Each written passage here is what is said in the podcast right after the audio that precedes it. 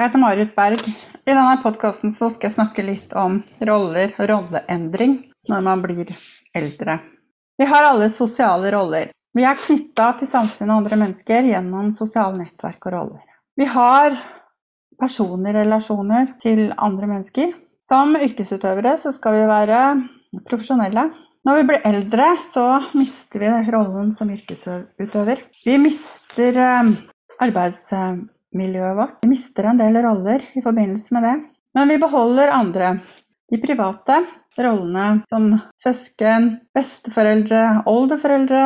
Etter hvert så kan det hende vi også mister noen av de rollene. Og da er det viktig at vi som skal hjelpe, hjelper den eldre til å finne andre roller som kan bidra til å opprettholde livskvaliteten. Med rollene våre så følger det forventninger og oppgaver disse er ofte knytta til en bestemt posisjon i den sosiale strukturen.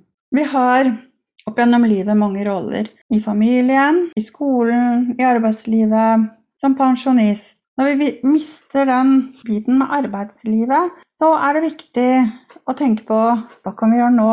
Hva skal jeg gjøre når jeg blir pensjonist? Da får jeg noen andre roller. Kanskje er det noe frivillig arbeid jeg kan gjøre. Jeg blir innlagt på sykehus, sykehjem, andre institusjoner, blir avhengig av andre, så får jeg pasientrolle. Det er viktig å hjelpe den eldre til å finne sin nye rolle som pasient, klient, bruker av en tjeneste. Snakke om det med den eldre. Hva, hvordan vil du ha det? Hva er viktig for deg? Og det handler om å ikke miste seg sjøl oppi alt som blir forandra i livet men beholde sin integritet og verdighet og følelsen av å være fortsatt en del av samfunnet. Rolleforventningene sier noe om hva man bør gjøre, hva man kan gjøre, og også hva man ikke kan gjøre. Jeg har forventninger til de jeg skal hjelpe, og de jeg skal hjelpe, har forventninger til meg. Og det er ikke sikkert at det er de samme forventningene.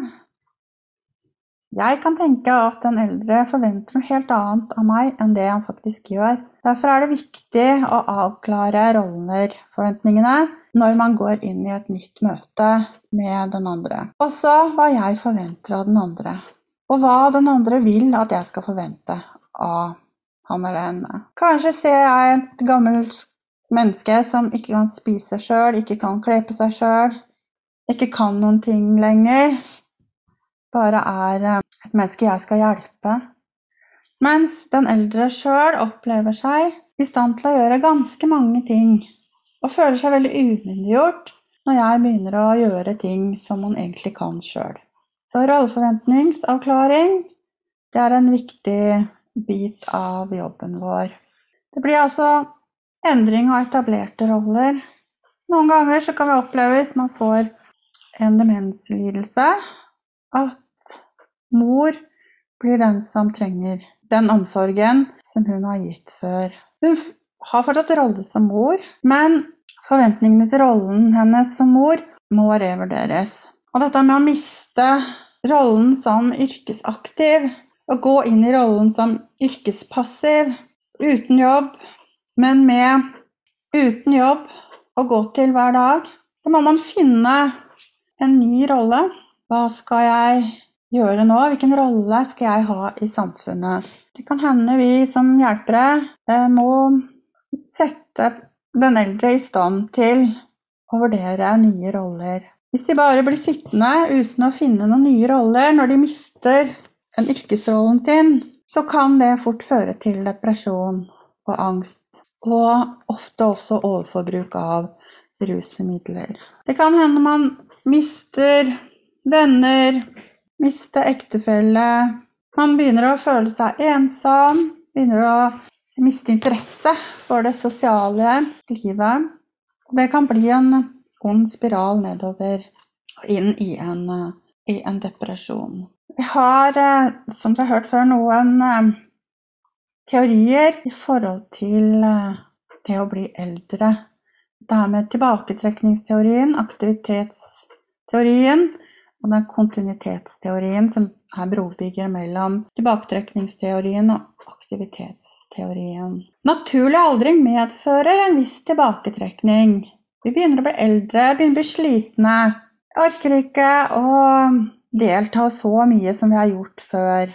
Min gamle svigermor sa til meg når hun var 90 år og blei bedt i bursdag til sitt oldebarn, eh, så sa hun 'må jeg gå'. Jeg har vært i så mange bursdager. Det er de samme kakene, de samme menneskene, og vi snakker om de samme tingene. Så kan jeg være så snill å slippe å gå nå? Da sa jeg at det kan du ikke, fordi barnebarnet ditt og oldebarnet ditt forventer at du skal komme. Men du kan være en liten stund, så skal jeg følge deg hjem igjen. Så ble vi enige om det, og hun blei og hadde det ganske koselig. Og gikk ikke så veldig tidlig hjem, men tidligere enn de andre. Så ba hun om å bli fulgt hjem igjen. Og det er noe med det, når vi blir eldre, så trenger vi kanskje ikke så mange sosiale roller lenger. Men så er det forventa av samfunnet at vi har noen, og at det er noen forventninger knytta til de forskjellige rollene. Og siden vi er en del av en gruppe, av en helhet, så er det sånn at noen ganger det må vi bare gjøre noe, selv om kanskje det krever mye arbeid av oss når vi blir eldre.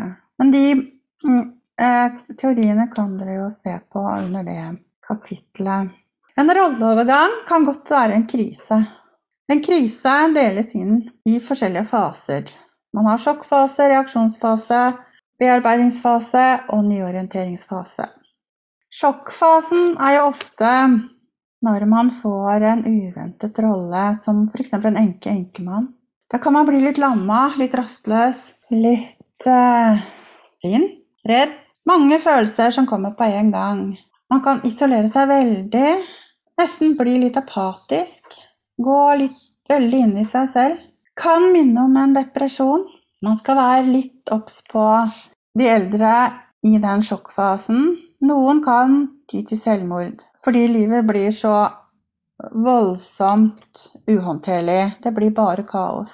Men det er en naturlig reaksjon. Etter sjokkfasen så begynner reaksjonsfasen, som er preget av angst, depresjon, atferdsforstyrrelser kan det være, urolig, sover dårlig, det kan være vonde drømmer. Man kan også ha litt svekket immunapparat. Da blir det viktig at vi følger opp eh, bruker, pasient og hjelper til å bearbeide sorgen, slik at de kommer over i bearbeidingsfasen, hvor de gradvis tar kontakt med omverdenen igjen og kommer tilbake igjen i seg selv. Så er det nyorienteringsfasen, hvor man må finne de nye rollene sine. Hva er rollen min nå, når jeg ikke er lenger er eh, kone, mor osv. Det og hvordan man kommer seg gjennom sånne kriser, livskriser, eksistensielle kriser, det avhenger litt av tidligere erfaringer og opplevelser, hvordan man har takla ting før i livet. Så livshistorien er en viktig del her for oss som skal hjelpe i de her rolleovergangene. Morgendagens eldre vil på flere måter uh, være annerledes enn det de er i dag. Vi vil få en mye sterkere gruppe er mye mer ressurssterk. Eh, vi har et mye høyere utdanningsnivå i Norge nå enn det vi hadde før. Spesielt for kvinnene. Vet jo, før så var de fleste kvinnene hjemme, hjemmeværende, mens eh, i dag blir jentene oppdratt til å få seg et yrke og klare seg sjøl, ikke være avhengig av noen mann. Eh, og det preger jo også selvfølgelig alderdommen. Flere høyt utdannede kvinner og og også menn, selvfølgelig. Og vi er vant til å ha kontroll på det meste i livet vårt i dag. Det vil vi også ha når vi blir gamle. Så dagens eh, pasientgruppe, som kommer fra den takknemlighetskulturen som var på 50-60-tallet, og pliktkulturen, de blir borte etter hvert. Og den nye kulturen er mye mer prega av kontroll og å få tilfredsstilt egne ønsker og behov. Depresjon øker, vet vi. Vi ser også at uh, alkoholmisbruk spesielt, men også uh, bruk av illegale rusmidler, øker blant eldre. Og det har jo selvfølgelig noe med tilgang å gjøre, og kjennskap til å gjøre. Så helsepersonell bør snakke mer om rus med eldre, sier ei som heter Pernille Næss. Fordi det er viktig å få satt ord på det, eh, og fortelle hva det kan føre til av andre plager eller skader. Vi veit jo det at når vi blir eldre, så blir balansen vår svekka. Og da er det jo ikke til å unngå at man detter oftere hvis man eh, inntar rusmidler. På rop.no så finner du en del kartleggingsverktøy både i forhold til rus og eh, psykiske lidelser. Og også selvmordsfare. Som er en viktig bit av jobben når den eldre har fått eh, andre roller, endrede roller, nye roller, mistet en del gamle roller. Så man, man omstiller seg på nytt, og da er det lett å ta tid til eh, rus. Ja, det var det jeg hadde om rolle, rolleendring. Men det er noe å tenke på, være klar over og ta høyde for når du møter den eldre pasient eller bruker eller klient. Tenke at sjøl om livet deres tilsynelatende ser ganske greit ut, så er det, er det alltid noen rolleendringer underveis. Det er ikke sikkert at eh, vedkommende takler den eh, rolleendringen så godt når han ble eldre, som han kanskje gjorde når han var ung. Håper du har fått noe nytt ut av denne podkasten. Takk for meg.